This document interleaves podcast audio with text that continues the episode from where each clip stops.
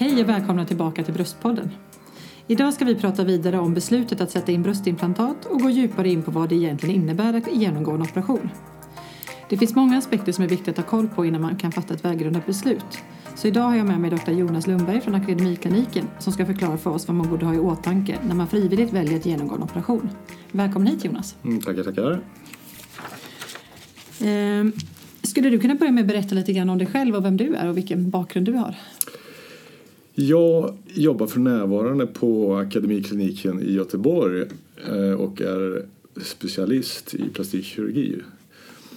Och eh, jag började då som allmänkirurg från början och jobbade som det i fem år. Sen eh, gick jag över till plastikkirurgi 1996 och jobbat på Sahlgrenska universitetssjukhuset en lång tid. Och parallellt med det så började jag jobba med kosmetisk plastikkirurgi 2001. Mm. På Sahlgrenska har jag mestadels varit ansvarig för eh, plastikkirurgisk mikrokirurgi heter det. Mm. Och även eh, bröstkirurgin här i Västsverige. Då. Mm. Så jag har utvecklat den bröstkirurgin, den plastikkirurgin här i Västsverige. Mm. Tack så mycket. Det låter jätteintressant det här med mikrokirurgi, vad är det? Ja, det, är, eh, det är lite större operationer då. Som mm. man kan, för att dra ett exempel så om man har en trafikolycka eller man gör en tumöroperation och det fattas vävnad någonstans då kan man använda eh, vävnader från någon annan del av kroppen och flytta det som en transplantation, typ muskler eller nerver. Okay med bibehållen då eh, blodkärlsfunktion. Ungefär som man gör en miniatyr kan man säga mm. Mm. njurtransplantation inom, okay. sam, inom ja. samma kropp. Okay. Lite mer komplicerad plastikkirurgi är det. Ja, jag förstår. Ja. Känns det som att du har en otroligt bra erfarenhet då eh, och att du har gått alla stegen tänker jag. Då har du liksom byggt alla delar. Ja precis, tack mm. för det. Eh, idag ska vi prata specifikt om just det här, vad det innebär att lägga sig eh, under kniven så att säga frivilligt, alltså inte på grund av ett behov utan någonting som man har en önskan att göra. Eh, om man nu pratar generellt kring operation, vad innebär det att göra en operation? Ja, det innebär ju en operation innebär ju att det är, det är ett smärtsamt ingrepp mm. så man på något sätt så måste man ju ha någon, någon slags bedövning då, lokalbedövning eller narkos. Och det är väl där dina frågor kommer in på antar jag, hur riskfritt är det med, mm. med eh, att sövas? Precis. För det är det vanligaste man gör ja, när man just, gör en ja, bröstförstoring? Mm. Precis. Det, det, är det som är. Ja. Det är det man, ska är. ha man ska ha narkos, ja. punkt slut. Mm. Bra. Och, eh, eh, och då är det som så här att är man frisk då är, det, då är det inget problem med att sövas. Men det gäller ju att hitta de patienter då som är sjuka, som har kanske hjärtsjukdomar, lungsjukdomar.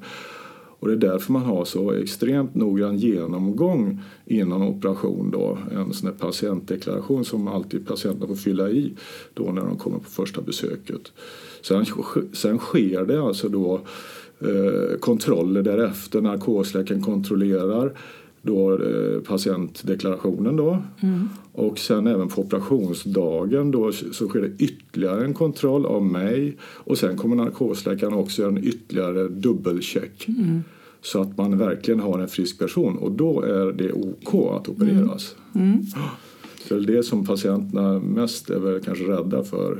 Ska man dö under en narkos ja, eller mm. vaknar man upp under en narkos är en annan sak också det. och det gör man inte. Nej, det gör man inte. Nej. Nej. Om den utförs rätt. Mm.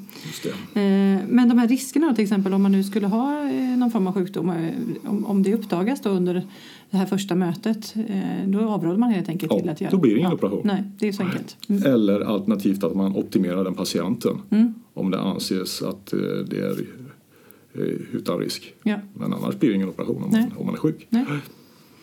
Bra. Eh, vilka övriga risker bör man då känna till kopplat både till en bröstförstoring och till operationer i allmänhet eh, innan man tar det här beslutet? Ja, själva ingrepp i sig, kirurgin och vad man nu gör. Nu handlar det mest om bröstförstoringar. Då, då, har det ju, då finns det komplikationer.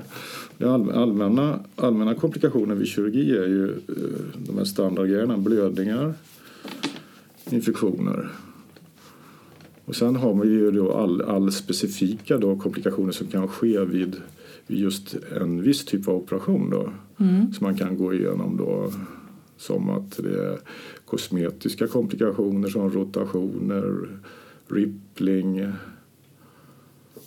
ja, felläge Ja. kan man säga. Då. Sen har vi de eh, kanske viktigaste då, eh, ruptur av implantat eller då kapselbildning. Mm.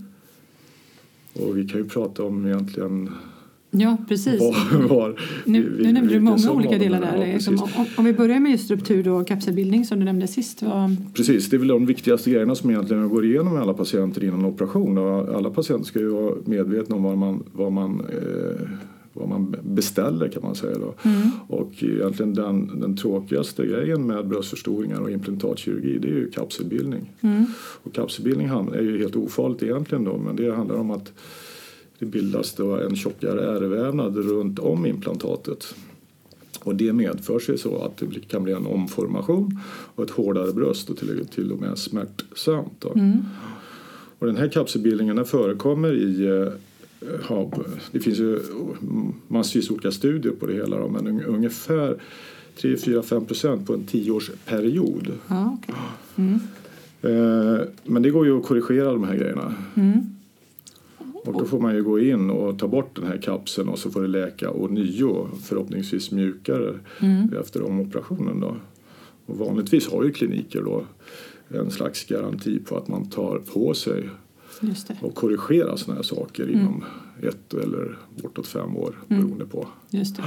det är också någonting vi har pratat mycket om tidigare i Ja, programmet. att eh, just när det gäller garantier att det är så otroligt viktigt att man går till en klinik som har den typen och ger den typen av, garanti. Både kanske på implantatet men också utifrån själva ingreppet. Då. Det. det är den ena grejen. Mm. Den andra grejen är ruptur, alltså spricka i höljet. Det är ju material så det kan ju bli gammalt med tiden. Då. Mm. Och de uppgifter som finns på, på en tioårsperiod då ligger den här sprickrisken på en 5-6 procent. Ja. Så materialmässiga komplikationer när det gäller implantatkirurgi den ligger på ja, säg 10 procent ungefär. 10 procent. Ja. Mm. Så det man kan tänka sig, vad kan hända då på när man, när man går in för att göra en bröstförstoring? Ja, det är ungefär 10 procent när det är materialet som man kan tänka sig en omoperation. Då. Mm. Ungefär där. Sen har vi de andra grejerna då med, med rotation och felläge och sånt. Det är ju kirurgtekniska saker då och, Mm. Ja. och de ligger rätt lågt. Det är typ ja. halvprocentsnivå. Så Okej. säg att det ligger runt 10 procent totalt, Totalt. att man riskar Mm. Någon att form av få- komplikation. Just det, Ja. att få operera om sig. Ja. Och när du säger rotation och så, det handlar det egentligen om att implantatet rör sig så som det inte bör göra då? Eller Ja. tänker jag fel? Nej, det, har man ett runt implantat då spelar det ingen roll. Nej. Men eh, opererar man sådana här anatomiska eller droppformade implantat, ja då spelar det ju roll. Mm. Eh, och då finns det ju en, en liten, liten, liten risk då, Mm. som ligger på någon halv procentsnivå enligt studier och eh, egen erfarenhet. Att den kan hamna snett då alltså. Och det får man ju korrigera såklart. Ja, Det ingår ju i, eh, i vad patienten köper. Ja. Så är det. Ja, men det, det är bra att veta att det alltid går att göra någonting åt, tänker jag. Ja, då.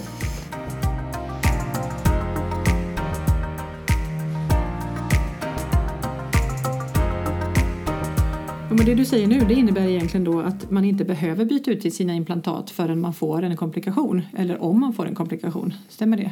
Ja, det stämmer. Mm.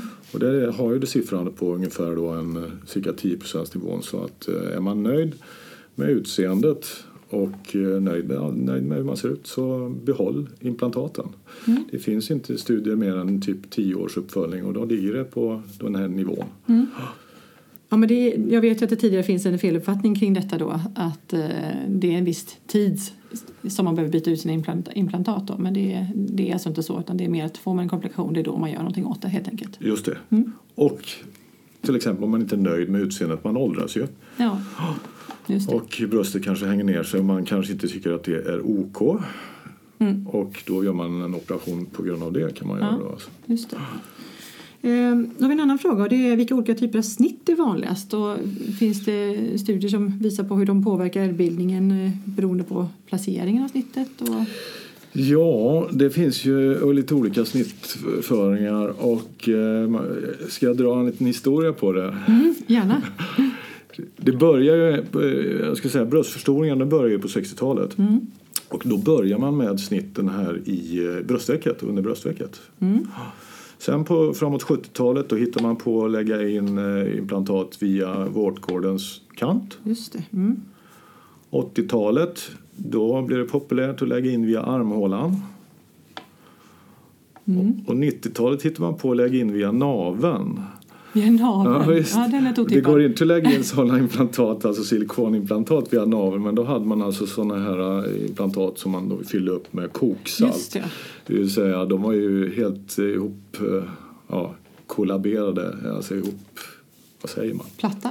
Ja, platta, exakt. Man kan rulla ihop dem som en cigarr. Okej. Och sen då stoppa in via ett navelhål och gjort en kanal ända upp till brösten och sen blåste man upp eh, implantaten där med ko- koksalt. Då. Herregud. Men det blev väl, ja, det har man övergivit. Ja, det måste varit andra komplikationer tänker jag. For, formmässiga Ja. sånt.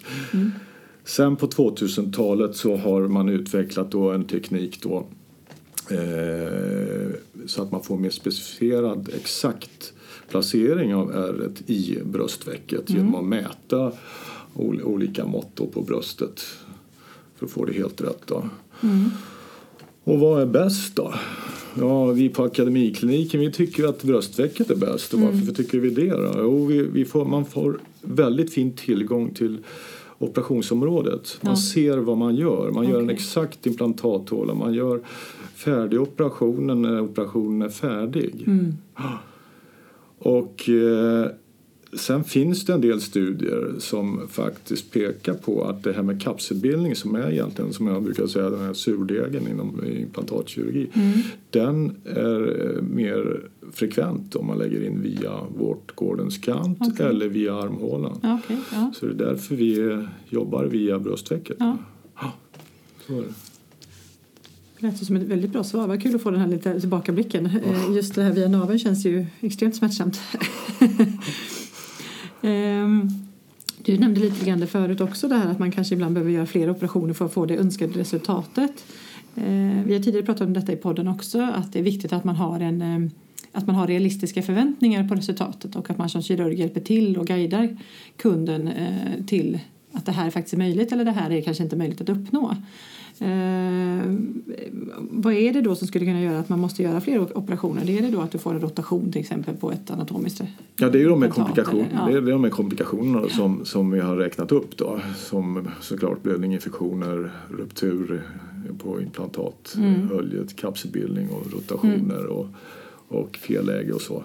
Men eh, en viktig grej är ju det när patienten kommer till första besöket eller andra besöket på mottagningen så är det ju kan jag säga, absolut viktigaste att visa upp patienten vilka sorts bröst hon har. Mm. Så att man får en eh, riktig eh, realistisk eh, förväntning för vad, vad det kan ge.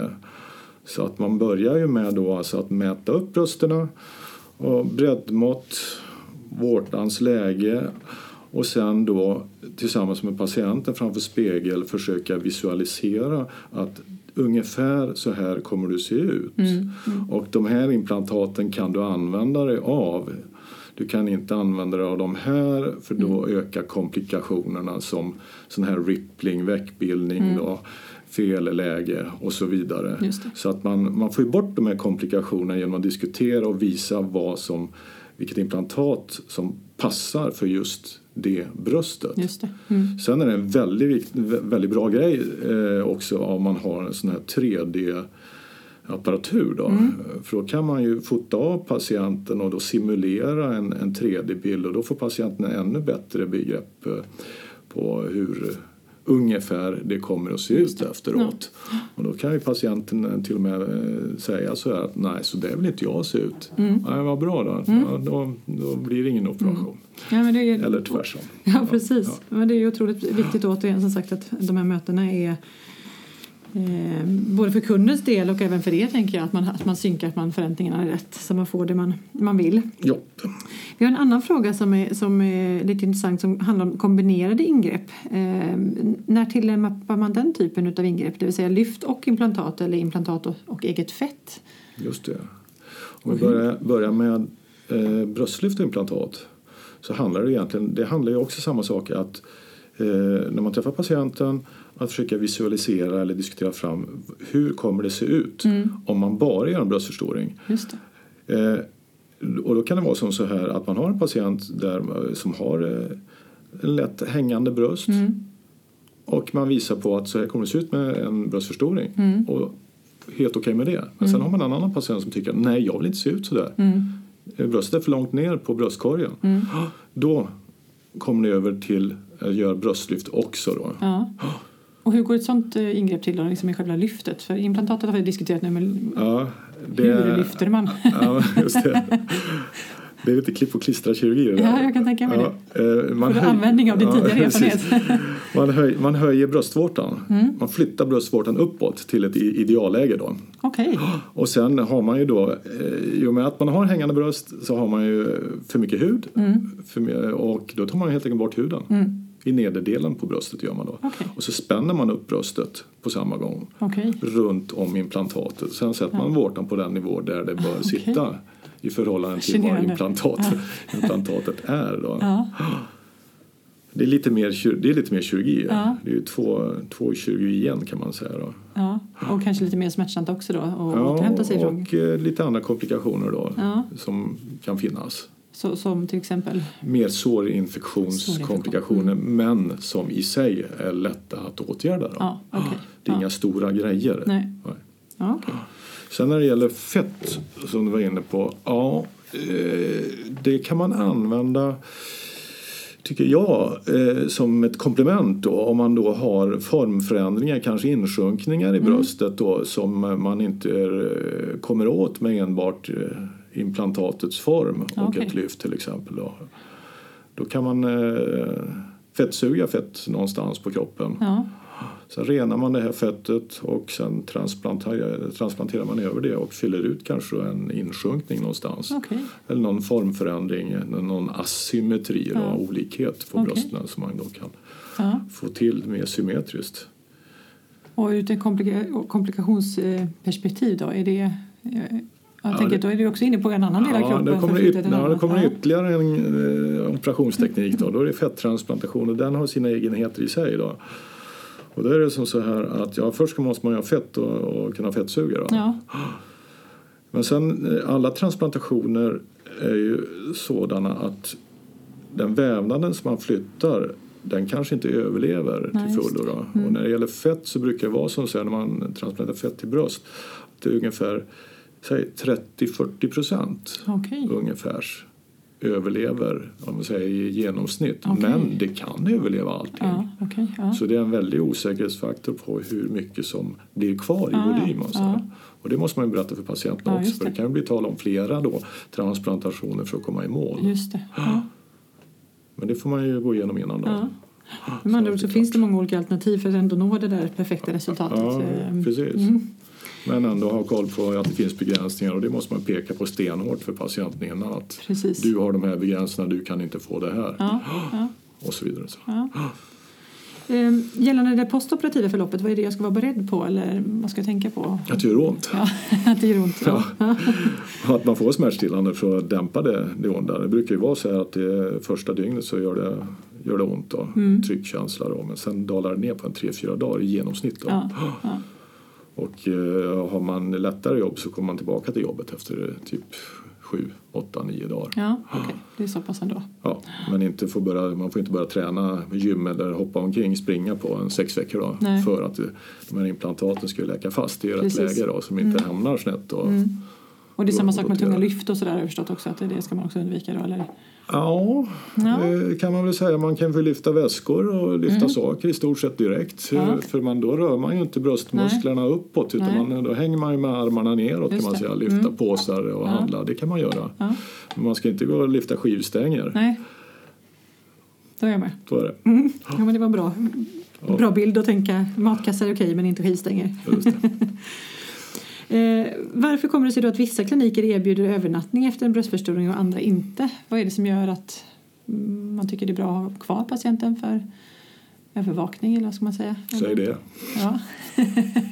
Nej, men det handlar, ju, det handlar egentligen efter eh, bröstförstoringar, det är smärtstillande Ja. vård kan man Ja, säga. Då. okej. Och alla kliniker har ju kvar patienterna säkert då 3, 4, 5, 6, 7 timmar efter Ja. operationen för att man inte ska skicka hem någon eh, som mår dåligt. Mm. Sen är det som så, sen är det ju vissa då som kanske har mer ont och då får de övernatta. Ja. Helt enkelt då. Ja. Men eh, vi har, vi har ju den här inställningen att man sover ju bäst hemma i sin egen Mm, säng. Då. mm. Så såklart så mår man bra går man hem. Mm, ja, precis. Och så har man ändå direktkontakt med er om det skulle vara någonting de första dygnen efter operationen. Exakt. Ja, Man har ju telefonnummer till kirurgen en lång tid därefter så man kan ringa då, dygnet runt. Precis. Och ni jobbar också med den typen av uppföljning efter operationen och ingreppet. Ja, då. Ja. Visst, visst, visst.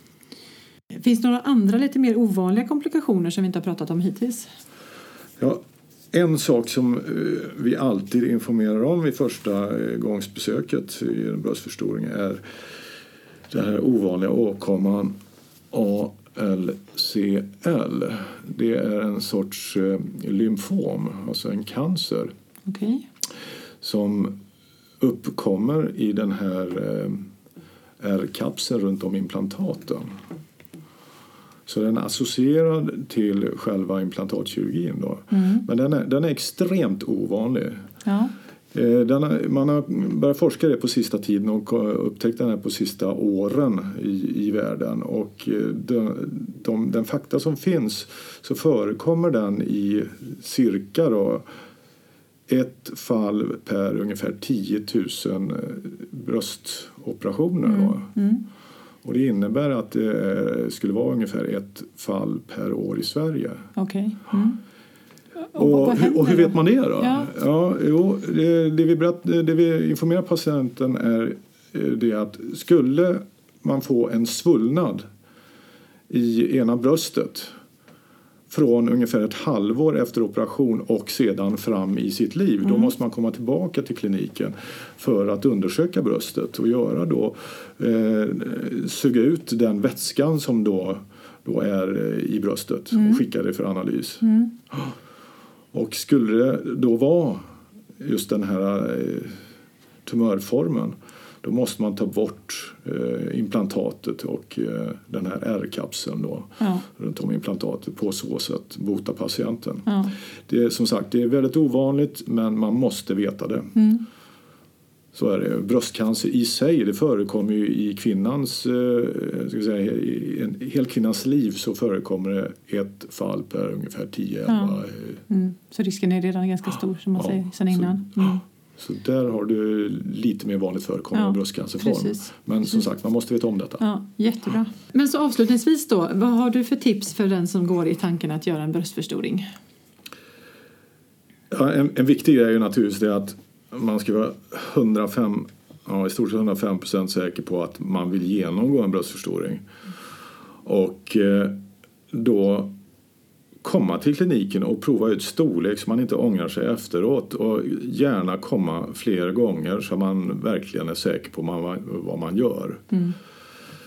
Ju, man vill inte ha patienter som ångrar sig efteråt. Nej, precis. Och sen är det den- en annan viktig grej är självklart den att man söker sig till en klinik eller en plastikkirurg som verkligen är specialist i plastikkirurgi. Mm. Och specialist i plastikkirurgi innebär ju att man har tränat plastikkirurgi i minst fem år. Mm. Och det är en garanti. Mm. Eh, sen är det som jag tycker, vill man ha ännu mer eh, säkerhet på vilken eh, kirurg som man söker så sök till en, en kirurg som är medlem i Svensk förening för estetisk plastikkirurgi. Det innebär att man har ytterligare fem års kosmetisk plastikkirurgiträning, det vill säga då minst tio år. Mm. plastikkirurgi. Mm. Då, Då kan man kan man känna sig säker. Mm. Ja, men det var ett jättebra råd. Sen har vi tidigare pratat om den här att, som du sa, att man ska vara 100% säker på att man gör ett ingrepp och att man faktiskt inte ångrar sig. För det här är ju någonting som du lever med resten av livet. Men då kanske det också är viktigt att man tänker att man gör det för sin egen skull utifrån sina egna önskemål och kanske inte lyssnar det. så mycket på folk runt omkring. Ja, självklart. Ja. Självklart är det så. Alltså. Ehm, och där har ju ni, spelar ni en viktig roll som kirurger då att, att eh, hjälpa kunden att hitta sitt önskemål eller sitt... Precis. Ja, Precis. precis. Ja, så är det. Stort tack för att du tog dig tid att komma hit, Dr. Jonas Lundberg från Akademikliniken. Tackar, tackar. Det här var allt för den här gången. Vi hörs!